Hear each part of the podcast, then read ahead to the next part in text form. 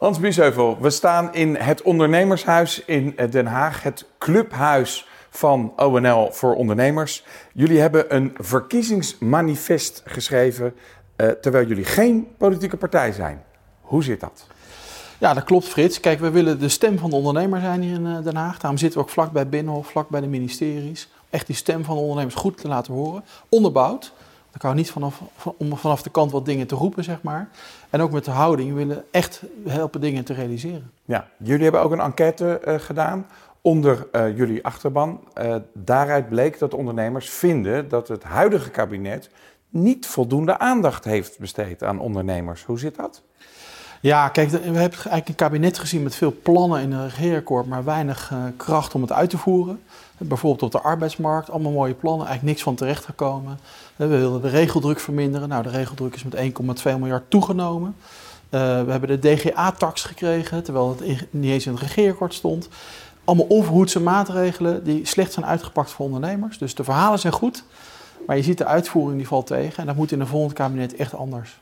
Dat zijn belangrijke onderwerpen voor het nieuwe kabinet. Daartussen zitten natuurlijk nog verkiezingen op 15, 16, 17 maart. Waarom zijn die verkiezingen zo belangrijk voor ondernemers? Nou, ik zou zeggen, die verkiezingen zijn belangrijker dan ooit. We hebben de eerste crisis na de Tweede Wereldoorlog. Er moet heel veel gaan gebeuren. Bedrijven moeten herstellen. Er moet weer nagedacht worden over groei. Het geld moet weer verdiend worden in Nederland. Uh, en daarvoor is de keuze straks bij die verkiezingen ontzettend belangrijk. je moet echt kiezen voor de partijen die gaan voor die groei, die gaan voor het herstel van ondernemerschap. En vooral die, die echt dat ondernemersklimaat centraal willen stellen bij het financieel-economisch beleid. Allemaal belangrijke onderwerpen, maar ik hoor het in deze campagnes niet zo heel veel terugkomen. Ik hoor het vooral over steunpakketten en over uh, welke maatregelen moeten we nemen om corona te bestrijden. Ja, nou, de politiek is heel goed in, in, in, uitgeven en herverdelen. Maar die praten eigenlijk liever niet over hoe moet het geld nou eigenlijk verdiend worden. En het geld wordt toch echt verdiend in bedrijven, door ondernemers, door werkgevers en werknemers samen. Daar hoor je ze eigenlijk niet over. Vandaar dit plan.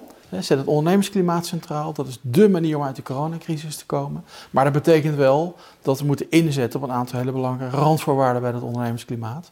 En die, die zeg maar bijna eisen, ga ik ook straks goed op tafel leggen. Want nogmaals, de weg uit de coronacrisis is kiezen voor ondernemerschap. Ja, kiezen voor ondernemerschap. Je zei het net ook al, we moeten het geld eerst weer gaan verdienen voordat we überhaupt iets kunnen gaan uh, herverdelen. Um, is daar voldoende aandacht voor nu dan? Nee, in de campagne helemaal niet nog. Hè. Dus vandaar dat we hier naar het ondernemershuis al die lijsttrekkers hier naartoe halen. Hè. Aandacht voor dat plan vragen wat we hebben met elkaar. Want nogmaals, als het niet verdiend wordt, kunnen we het ook niet uitgeven. Nee, helder. Um, waar kunnen we het vinden, al die plannen van nou, ONL? Op onze, op, op onze website natuurlijk, www.onl.nl. Uh, we gaan allerlei dingen doen hè, met podcasts, met uh, debatten hier. Uh, dus allerlei zaken doen we om die kennis te ontsluiten. en na de verkiezingen zullen we ook ja, hard aan de weg blijven timmeren om alles wat hier staat ook te gaan realiseren. Dankjewel Hans.